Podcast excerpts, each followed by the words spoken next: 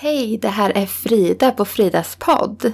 Jag vill bara säga ett stort tack till dig som lyssnar på avsnitten som kommer ut. Och jag hoppas också att du blir inspirerad av att dela med dig av din egen berättelse. Och poddavsnitten de kommer att fortsätta komma ut, men framöver så kommer de komma lite mer oregelbundet och alltså inte varje månad som nu. Men håll utkik på kanalerna. Du kan prenumerera och följa mig på Instagram, Fridas podd, så kommer du att se när nya avsnitt är ute. Och nu innan sommaren så får du lyssna till ett mycket spännande avsnitt som kommer här. Du lyssnar på Fridas intervjupodd.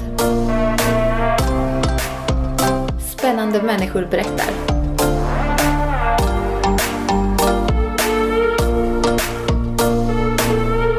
Marcus är en djuptänkande metal-trummis som växte upp med skilda föräldrar och tidigt hamnade i kriminalitet. Han växte upp med dålig självkänsla och är säker på att han hade varit död idag om inte Gud hade kommit in och förändrat allt. Kriminaliteten är ju liksom, ja men du vet en enkelt sätt att få pengar, enkelt sätt att få det du vill ha liksom för att mina föräldrar har aldrig varit så här rika på något sätt liksom. De kan ju inte ha varit fattiga heller men de har inte varit liksom, de har absolut inte varit rika. Så jag har ju liksom inte fått liksom vad man pekar på eller sådana här grejer utan man har ju verkligen fått kämpa liksom för att få det man vill ha liksom. Så i kriminella världen är ju jättenice för där kan du liksom bara gå och ta. Det, är alltså, det finns inga regler på det sättet. Då sitter jag här alltså i eh, Göteborg med Marcus. Vi träffas ju första gången idag Marcus. Ja. Brukar du träffa nya människor så här? Eh, Spontant? kanske, jo men det gör jag väl. Jag träffar folk ganska spontant så. Men eh, kanske inte just för podd, det är, det, det är lite nytt. ja, jätteroligt. Och vi har ju en gemensam vän, så jag har ju hört att du har en väldigt spännande berättelse. Så det ska bli jättekul att få prata med dig idag. Ja.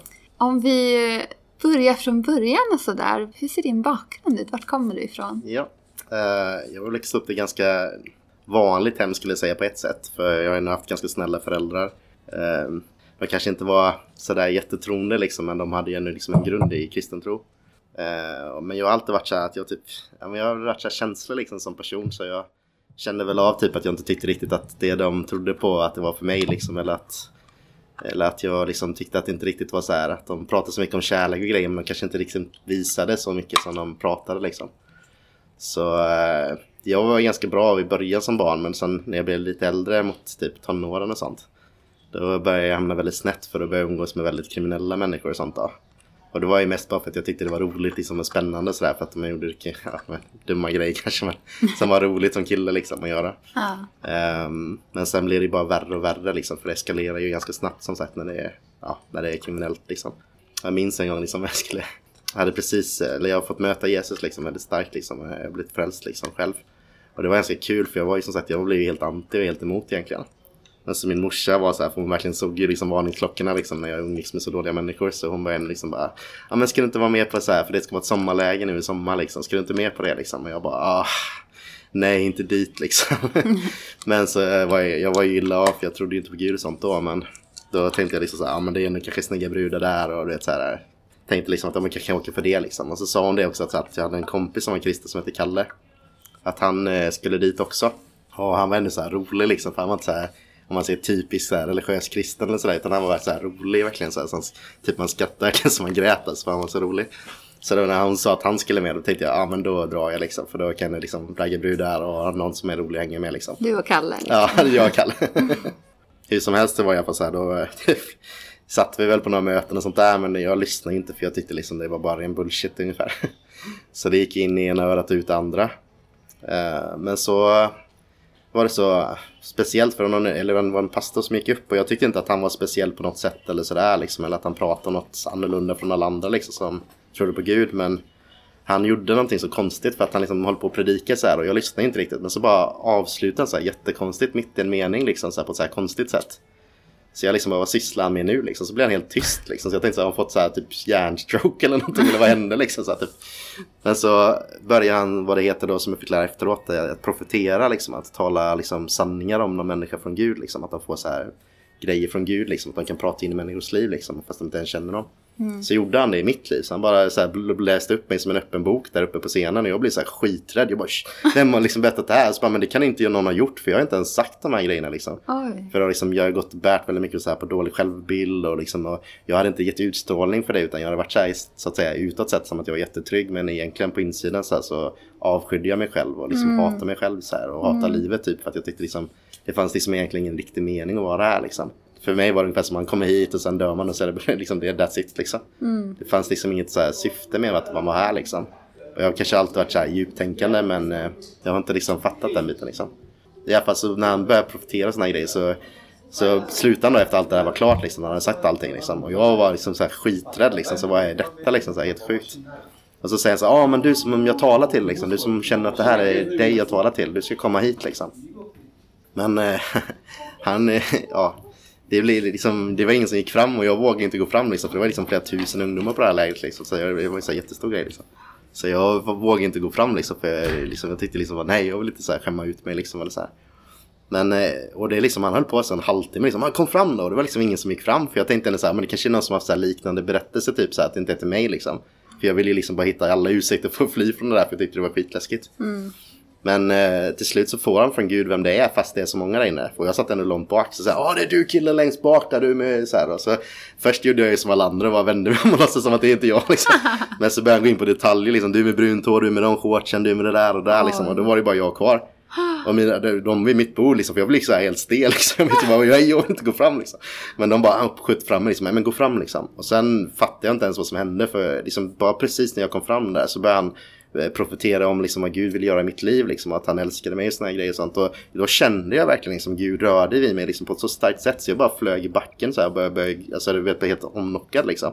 Och så började jag gråta liksom och det var ju det värsta som fanns för mig för jag var liksom ändå börjat bli så halvkriminell liksom och var tvungen att så här hård och tuff liksom. Och så ligger jag här och bölar liksom så jag fick panik liksom och vad är detta liksom så här. Men samtidigt så bara kände jag bara en sån enorm frid.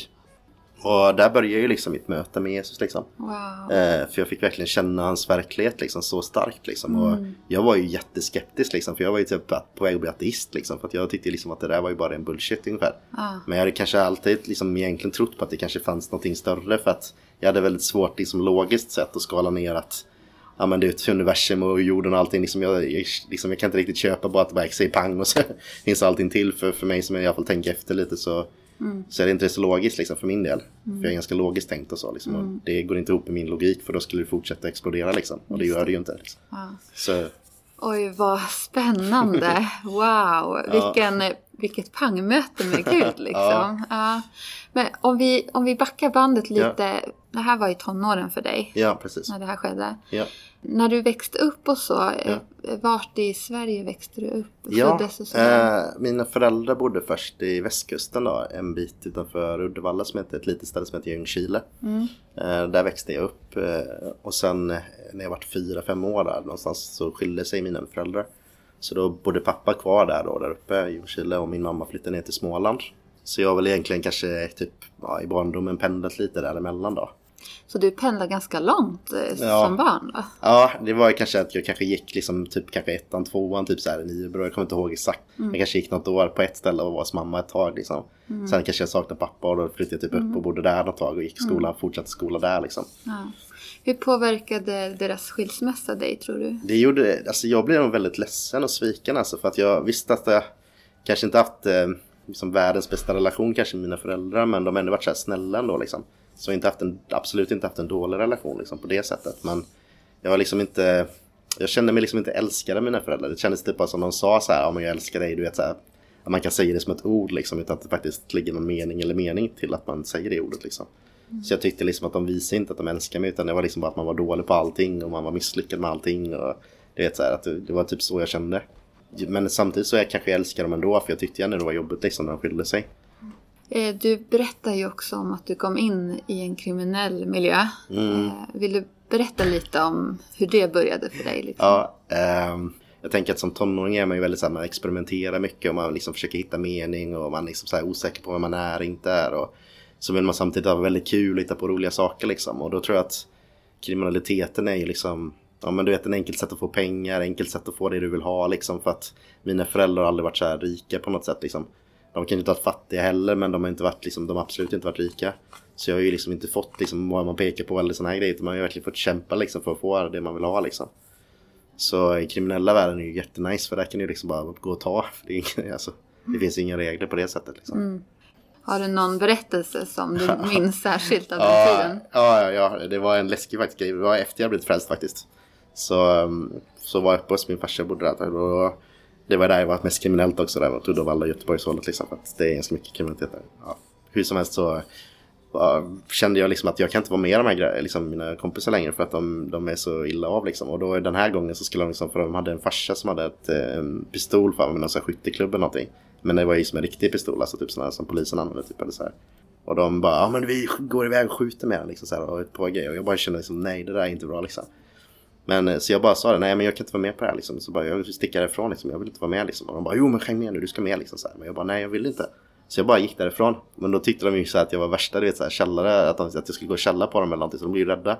Så de sköt efter mig, du vet. Alltså, jag, jag hörde liksom så här, vet, jag var skiträdd. Och då verkligen var jag så här, verkligen började be järn så här, varför jag var skiträdd. För man hörde liksom så här, de här kulljuden liksom som går förbi huvudet.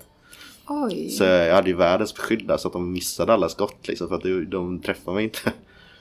Men det, Oj. Ja. Men så det, det var en sån hård miljö att Ja, de till ja. och med skjuter ja en vän? Ja, ja. Men det är... De, jag tror de bara mådde så dåligt så att de liksom var så här arga liksom att de inte liksom brydde sig riktigt. Alltså du vet, jag tror inte att de hade skjutit mig egentligen så men jag tror att de var rädda liksom att bli uppkomna eller sådär. Att de skulle källa någonting. Men eh, är det svårt att komma ur kriminalitet tycker du? Ehm, jag får säga nej ur min aspekt bara för jag hann aldrig gå in hårt i det liksom. Förstår du? Men för jag varit inne i det som att jag verkligen gick med ett gäng och verkligen var en del av gänget. Då hade jag ju inte kommit ut liksom. Då hade ju, de ville döda mig liksom för det. Det vet jag för jag har massa vänner som har kommit ut i gängkriminalitet. Så det, det, jag kom ju undan milt för jag blev ju frälst när jag var 14 som sagt.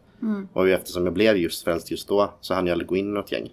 Bara för att jag inte gick in i något gäng så kom jag ju undan lätt liksom. Men det var ju ändå liksom så här. Det, jag vet inte, då hade de träffats så hade jag ju dött. Så det liksom, Ja, det, ja. Och då var jag inte ens med i ett gäng så det, jag inte tänker att det är inte att leka med. Nej, nej. Vad hände sen på din resa då, där i världen korsas på något Ja, sätt i ja. ditt nya liv och gamla liv? Ja, alltså det var ju tufft alltså för att eh, nu helt plötsligt så skulle jag ju börja stå upp för Jesus liksom och verkligen för att jag fick verkligen ett personligt möte med Jesus liksom och jag hörde liksom när han talade in till, liksom i mig liksom att jag, som att han typ var på mig direkt när jag skulle till skolan i början liksom när jag kom tillbaka efter det här, som, för jag sa det här sommarläger liksom. Så skulle jag tillbaka till skolan. Och jag var ju liksom såhär, för jag var, jag var så livrädd för att jag tänkte liksom såhär, jag varit såhär, vet värsta avfälliga innan ju liksom, inte varit med Gud liksom. Och så helt plötsligt ska jag komma där och bara åh Jesus. Så jag, tänkte liksom, jag kommer liksom tycka jag är koko liksom och tro att, jag typ går, på- alltså att jag typ går på droger eller liksom, så, eller liksom att jag har blivit helt Ja, du vet, bäng liksom i skallen eller något. Så jag själv tänkte så här, fy och pinsamt liksom, vad ska jag göra liksom? Men då var det som att Jesus liksom bara, nej Marcus, liksom, nu har jag förändrat ditt liv liksom och fyllt dig med kärlek och mening och liv liksom. Då får du stå upp för mig liksom. Och jag bara, hjälp mig, ska jag göra det liksom? Jag, det blir jättejobbigt liksom, ska jag göra det liksom? Så jag varit jättefeg så jag tänkte liksom första dagen på skolan så tänkte jag skolka och allting liksom. Men det var som att Gud bara inte tillät. Man bara sa nej du är inte sjuk liksom, åk till skolan liksom. så jag bara, och jag vet bara, men då kom jag på en sån här smart idé. Eller så här, typ, jag kände inte Gud så jag typ var ungefär som jag tänkte att jag skulle lura Gud. Ja. Så jag tänkte så här, men om jag, om jag cyklar och kommer sent då har ju alla gått in i korridorerna så det är ingen som kommer fråga mig om vad jag har gjort i sommar och sånt. Så då slipper jag i alla fall, vet, just den dagen i alla fall berätta om vad som har hänt. För jag varit lite så här rädd liksom hur de skulle ta det liksom att jag har blivit kristen liksom. Eftersom jag dessutom varit ganska hård mot kristna och sånt, kanske innan jag blev det själv.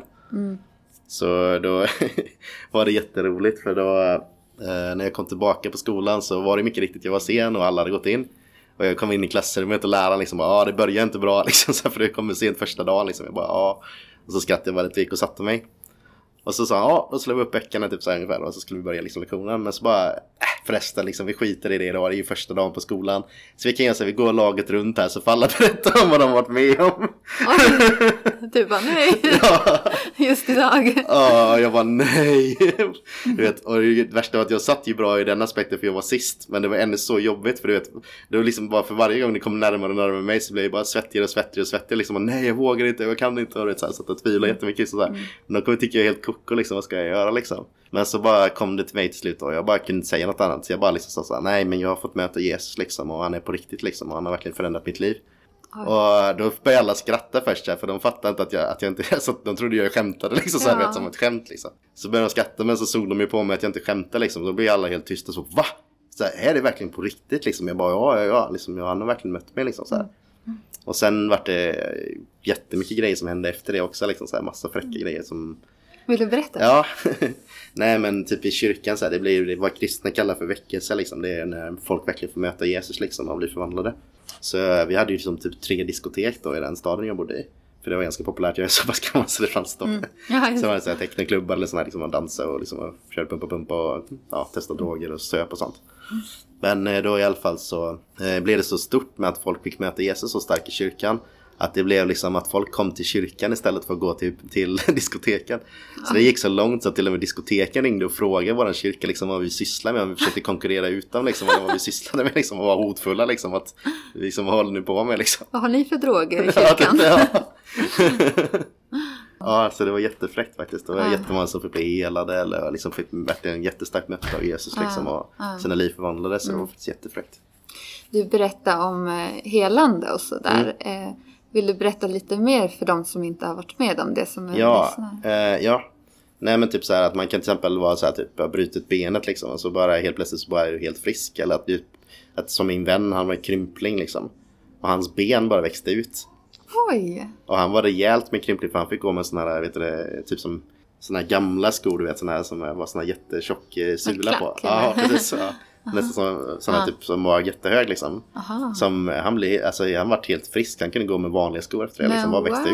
ut. Typ sådana grejer. Oj. Vi fattar inte vad som hände eller så här, för det, alltså när man ser eller med om sådana grejer, Ja, man fattar inte ja. vad som hände. Men Vad tänkte du då? Första mötet av så här liksom mirakel? Nej jag tyckte det liksom var jättecoolt. Alltså jag blev alltså det var ju skitfräckt. Det är alltså det, det säger vad man vill liksom. Att, men när man ser grejer på riktigt eller när saker händer då är det inte som att man kan bullshitta liksom och bara ja ah, men det där hände inte, det är bara fake liksom. Mm. För ser du liksom en rullstolsbunden som du vet att rullstolsbunden ställer sig upp liksom. Det är klart att du, blir, Ah. att du vill veta vad som händer liksom. Det är, ju- ja. det är ju jättefräckt.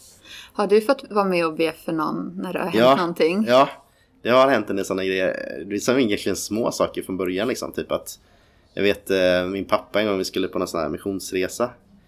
Och eh, då hade han glömt att tanka så här, bilen för att vi skulle åka iväg och hämta så här, massa leveranser till, eh, ja, för vi skulle ha med till den här resan då. Så skulle de åka och köra ner den liksom till eh, Litauen.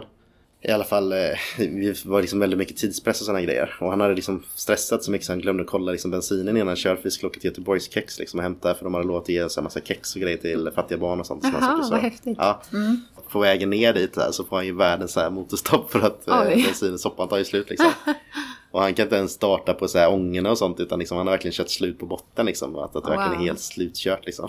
Så han står typ i här halvtimme liksom med bilen liksom bara... Ah. Alltså lite så att dunkar i huvudet i ratten så här, för att han är så arg för att han, har liksom, för att han inte har tankat. Nej. Och för att liksom, han har en sån press liksom, vi ska in med den här lassen liksom och så allting måste ut. Men så bara poppar det upp så här huvudet på mig, ja men du kan ju be för bilen. Så, här. så jag bara, men okej jag gör det då. Liksom. Så jag lägger handen så här på bilen och ber för bilen. Och då, eh, eller så här, för jag bara kände lite så här, vad det är, nu är det funkar liksom. Typ, så att det bara, typ som att jag visste att den bara skulle funka om man startar nu liksom.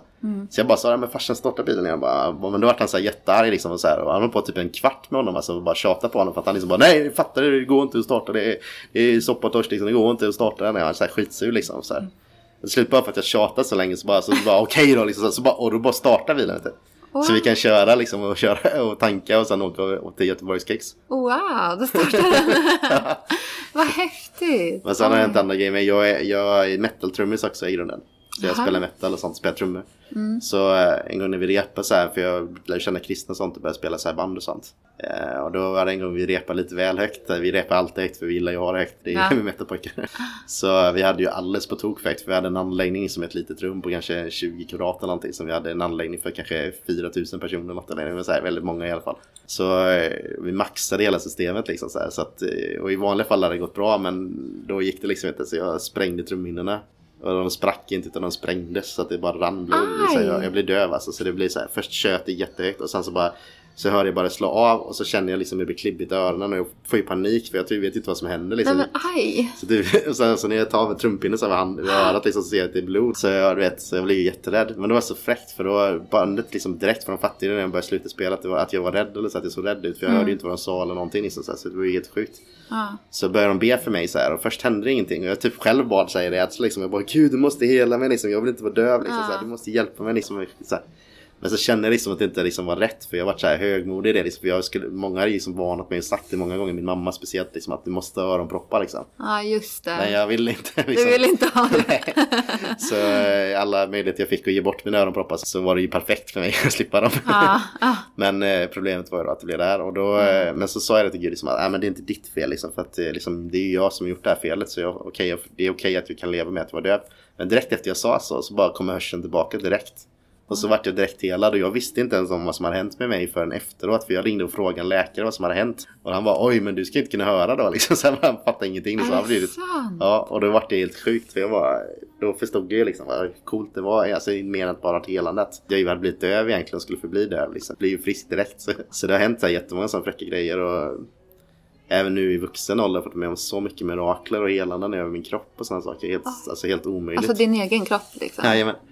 Jag hade Wow. till exempel eh, dragit av för någon menisken i knät eller någonting. Eller i alla fall skadat knät väldigt grovt. Men jag är sån här du vet tjurig som aldrig ska gå till vårdcentralen för jag ska klara mig själv. Liksom. När benet är av då kanske möjligtvis då jag går. Liksom. Kanske då.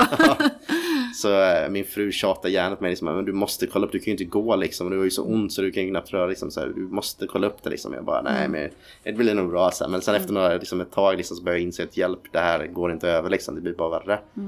Och mina barn liksom så här, bara men pappa du måste in liksom så här. Jag bara, ja. Men så är min dotter så cool med min, hon bara men pappa är så här, för jag ska gå och latta henne så här. Så jag gick liksom och haltade och liksom aj aj aj och så här, vet man, som är så ont liksom. Och så eh, satte jag mig bredvid henne och så, så men pappa kan inte jag få be för dig? Och jag var liksom spontant så tänkte så här, nej be inte för mig så här, för det funkar ändå inte så här, för att jag har haft så många som har bett för mig så här, kristna vänner och annat men det hade inte hänt någonting. Så jag tänkte så här, nej men det behöver liksom inte, kände jag i mitt huvud liksom att Ja. men jag sa inte ut det här till henne.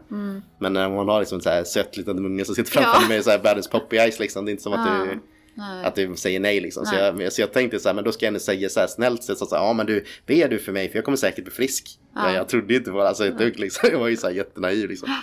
Så här, det, var ju, så fräckt för jag, då var det direkt när hon bara la handen på mig och bad, så här, bara en jätteenkel bön, bara, ja men typ låt pappa bli frisk, typ så här, men typ något sånt där Ja. jätteenkelt.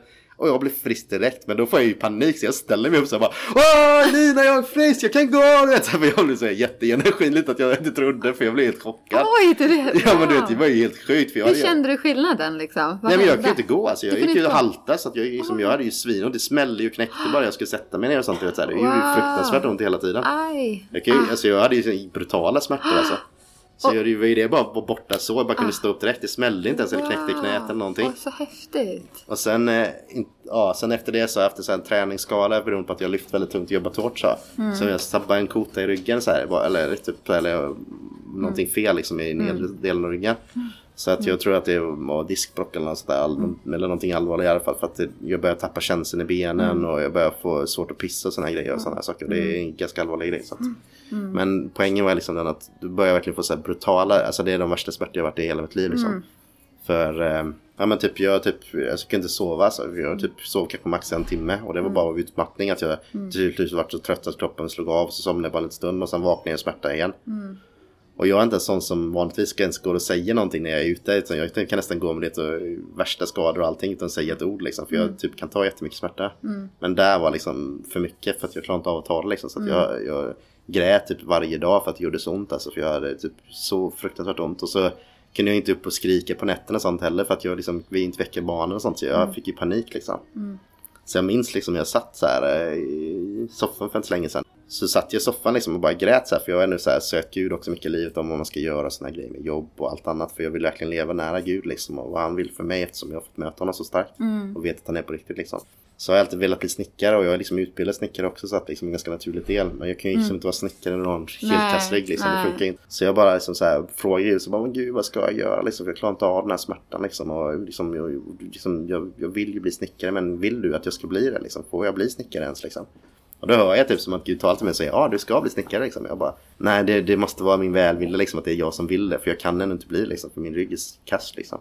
Men så hör jag rösten igen liksom, jo du ska bli snickare. Här. Och jag hörde, för jag tvivlar så här upp igen då. Men jag hörde tre gånger. Hur, hör, hur hörde du Ja men typ det, det är som liksom? att, alltså, jag, jag kan nästan inte ens förklara för det, alltså, det, det låter som en koko men det är typ så här, jag vet ju när jag tänker liksom hur tankar är liksom. Mm. Men det här är typ som att någon pratar med mig liksom, att det är någon som verkligen liksom, det är typ som att min fru har suttit bredvid mig nästan och pratar med mig liksom. Att det är som att jag hör en röst liksom fast det inte är min röst. Mm. Och så säger den här rösten till mig liksom. Och jag börjar ju så här bli, tro att jag är koko typ själv. Att det bara, äh, men det här är bara mina egna tankar. Det är liksom, det, jag vill ha det tydligare än så Gud. För jag, liksom, jag vet, annars kan det vara mina tankar bara liksom, tänker jag.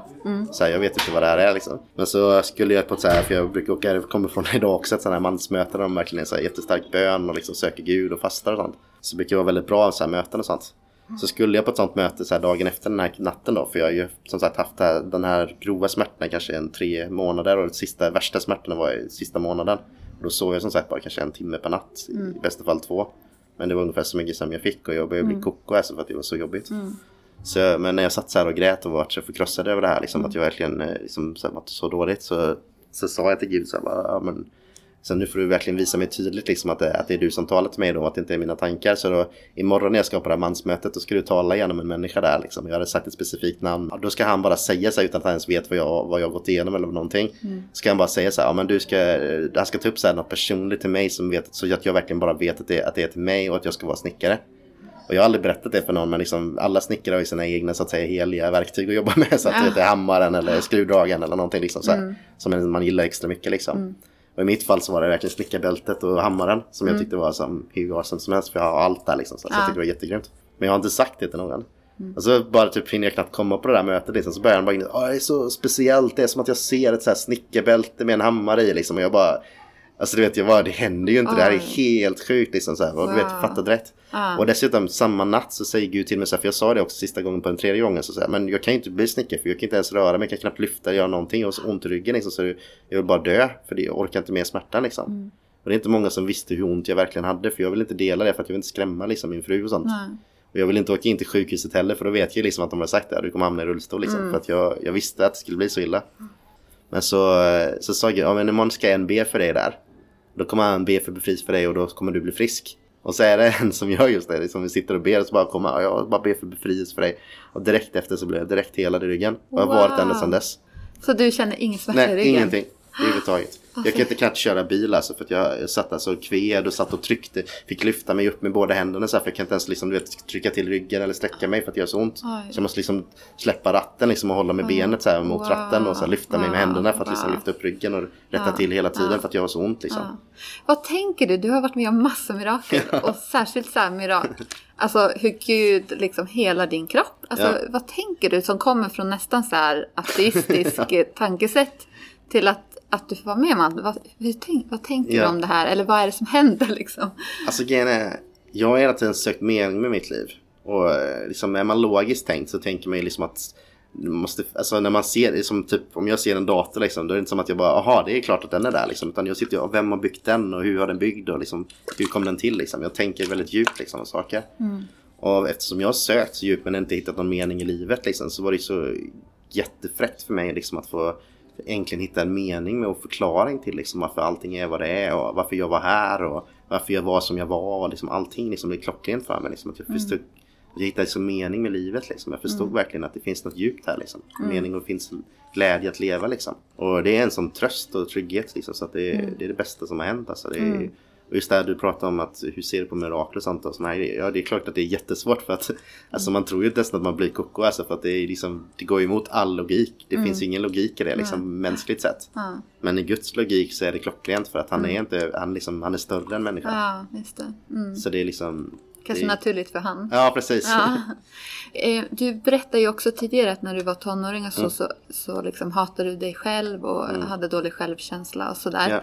Hur är det för dig idag i din resa? Liksom? Ja, nej, nej, jag är jättetrygg i mig själv. Eh, Kanske lite för trygg.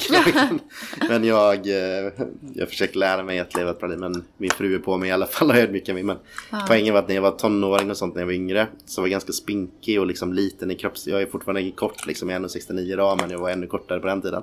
Då var jag bara 1,56 liksom när jag gick i åttan. Och jag vägde liksom ingenting och var jättespinkig och smal. Så jag såg ju mer ut som en pojke än vad jag såg ut som en tonåring liksom. Ehm, och det var ju skitjobbigt att ta det liksom. Som att man skulle liksom vara macho-kille liksom. Och så ser man ut på det sättet liksom. Det var ju kanske mycket därför jag kanske drogs till kriminella också. Bara för att man ville vara så tuff och liksom, och, vet, vara någonting. Men Gud, sen Gud började röra in i mitt liv liksom. Då blev jag så stabil i mig själv och trygg och älskar hur jag såg ut, älskar hur jag var. Sånt som jag liksom hade avskytt innan. Att den förändrades så mycket liksom. Och det är lite svårt kanske att liksom berätta allting så här Ja. på rätt sätt. För att det är, liksom, det är så stor berättelse så Ja. det är liksom att dra ner det så kort. Det är kanske svårt. Eh, nu, nu sitter inte jag och intervjuar din fru, men du nämnde någonting om att hon också hade lärt känna Jesus. Ja. Ja. Eh, hennes är också jättefräck och hon är, hon är lätt den bättre hälften av oss två. Men, eh, hon är helt underbar min fru. Alltså, jag älskar henne brutalt. Mm. Hon är så cool alltså. Hon, eh, hon är så radikal och hon har ett så ödmjukt hjärta liksom. Hon är inte så här, som, jag är ändå lite så här tuff om man säger så. Från början. Nu har Mm. jag blivit mindre tuff i åren. Men jag, jag var väldigt hård innan liksom. Jag var verkligen jättehård innan och sånt. Mm. Och, men min fru hon är liksom jättefin så att hon har hjälpt mig jättemycket att Mm. komma nära med Jesus liksom. Som att bli kristen betyder inte automatiskt att man bara Alltså med det följer Jesus och lär känna honom och vet hur man ska leva och allt sånt där på en gång liksom. Utan det kommer ju med tid liksom. Precis som en vanlig relation med en vanlig människa så lär man ju inte känna någon bara liksom över en dag liksom. Utan det tar tid. Din pappa kommer ju från Korea. Ja, det stämmer. Ja. Han är adopterad dock i Sverige. Eh, Så han kom hit som bland de första faktiskt flyktingbarnen i Sverige. Han blev adopterad här i Sverige och så, så jag är väl typ mer eller mindre svensk. Men Kan du koreanska? nej, jag tror för Angi och Haseo. Jag uttalar inte ens rätt men det är väl typ hej va? Ja, men det är typ så. du får inte fråga mig. eh, har du ätit koreansk mat? Ja, det upp? älskar jag. Det är det? Det är riktigt gott. Om du skulle rekommendera något koreanskt att äta, vad skulle det vara? Eh, oj, det finns många grejer. Det är jättegott alltihop. Typ. Men eh, bimbap tycker jag är jättegott. Eh, man kan söka på det, det är ganska speciellt. Men det är väldigt gott.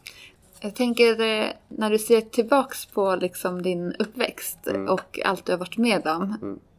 Eller för mig som har hört din berättelse så känns det som verkligen så här pikar upp och ner liksom så här väldigt dramatiska Ja, saker du ja. har varit med om. Ja, Vad tänker du själv när du ser på din resa eh, till där du är idag? jo. Nej, alltså det har verkligen varit en berg och dalbana i mitt liv. Eh, och eh, det är det som har varit alltså, så skönt med också att bli frälst. För att hade jag liksom gått den här berg och dalbanan liksom, utan Jesus, då hade jag ju varit död idag. Det vet jag. För jag hade antingen hamnat i gängkriminalitet och blivit skjuten. Eller så hade jag förmodligen tagit knark och sånt och knarkat ihjäl mig.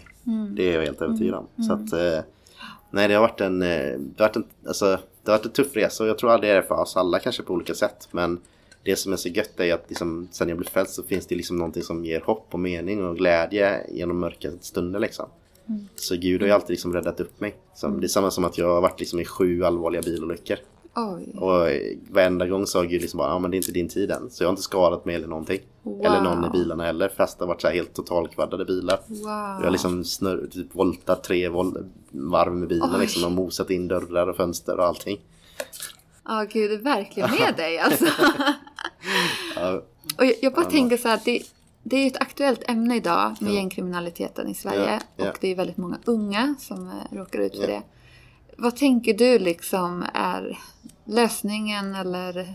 Alltså grejen är, det finns ett väldigt enkelt sätt. Och det är verkligen att, liksom att man behöver se människor. Därför att alltså, man blir ju inte kriminell från ingenting. Utan nej, för att du ofta har haft en tuff upp... Alltså jag har ju inte, inte haft en tuff uppväxt på det sättet. Jag hamnade ju bara i det för att jag var revolt. Liksom, att jag gick i rebell mot mina föräldrar och mot allt annat. Men, men många av mina vänner de har ju haft så här fruktansvärd liksom, bakgrunder. Liksom, att du vet, levt genom krig. De har liksom ja, men du vet, blivit våldtagna. Papper som slår dem liksom, jättetidigt och såna grejer. Liksom, tuff, riktigt tuffa grejer liksom. Man blir ju inte kriminell för ingenting liksom. Och eh, jag tror att liksom, alla kriminella ute, de är egentligen ganska bra personer. De flesta är verkligen så här, på riktigt alltså bra personer. Ingen ser ju dem liksom för att de typ har fått en stämpel från början att ah, men den där människan kommer misslyckas liksom. Typ. Så det, det jag tror för att förändra det är först självklart Jesus för att det, det är liksom min story. Och, Ja. men, eh, men också liksom att verkligen bara vara där som en medmänniska liksom och se dem och älska dem och faktiskt, faktiskt visa att, de, att det finns mening med deras liv liksom. Att de får höra att de är duktiga på någonting liksom och bli uppmuntrade liksom. För många jag känner liksom har aldrig ens liksom i hela sitt liv hört liksom att de är bra på någonting eller att de du vet, kan någonting. Vad härligt att få höra ett svar från dig som är insatt liksom och som, ja, som känner till det. Ja. Jag tänkte fråga dig, skulle du eh, vilja be en, en kort bön om det är någon som har liksom smärta i sin kropp som lyssnar Mm. och du har varit med om att Gud verkligen har gripit in. Skulle du vilja avsluta med en bön? Absolut. Herre, jag tackar dig för att du är på riktigt Jesus. Jag tackar dig för att du ska röra in i lyssnarna Jesus. Att du ska ge dem hopp och liv och mening Jesus. Att du ska fylla dem med din kraft och med din kärlek. Jag bara tackar dig Jesus att du verkligen ska möta dem som lyssnar på ett sånt sätt att de verkligen får en egen relation med dig Jesus. Att du bevisar dem och överbevisar dem mäktigt. Att du är på riktigt, att du inte bara är bullshit. Som jag trodde utan att du är på riktigt Jesus. Och jag bara ber dig om att du hjälper alla de som har tufft där i deras hem och där de är. Jesus. att de har hopplöshet i deras liv och inte har någon mening. Att de ska bli uppmuntrade och att få våga tro och lita på att du finns på riktigt och våga testa dig Fader. Att du är bär, att du funkar. Och att du helar människor där ute som tror att du behövs bara lite tro så helar du Fader. Gör mirakler Fader och rör dig med dem som lyssnar Jesus. Amen. Tack Marcus att du har varit med i den här podden och delat din berättelse med oss.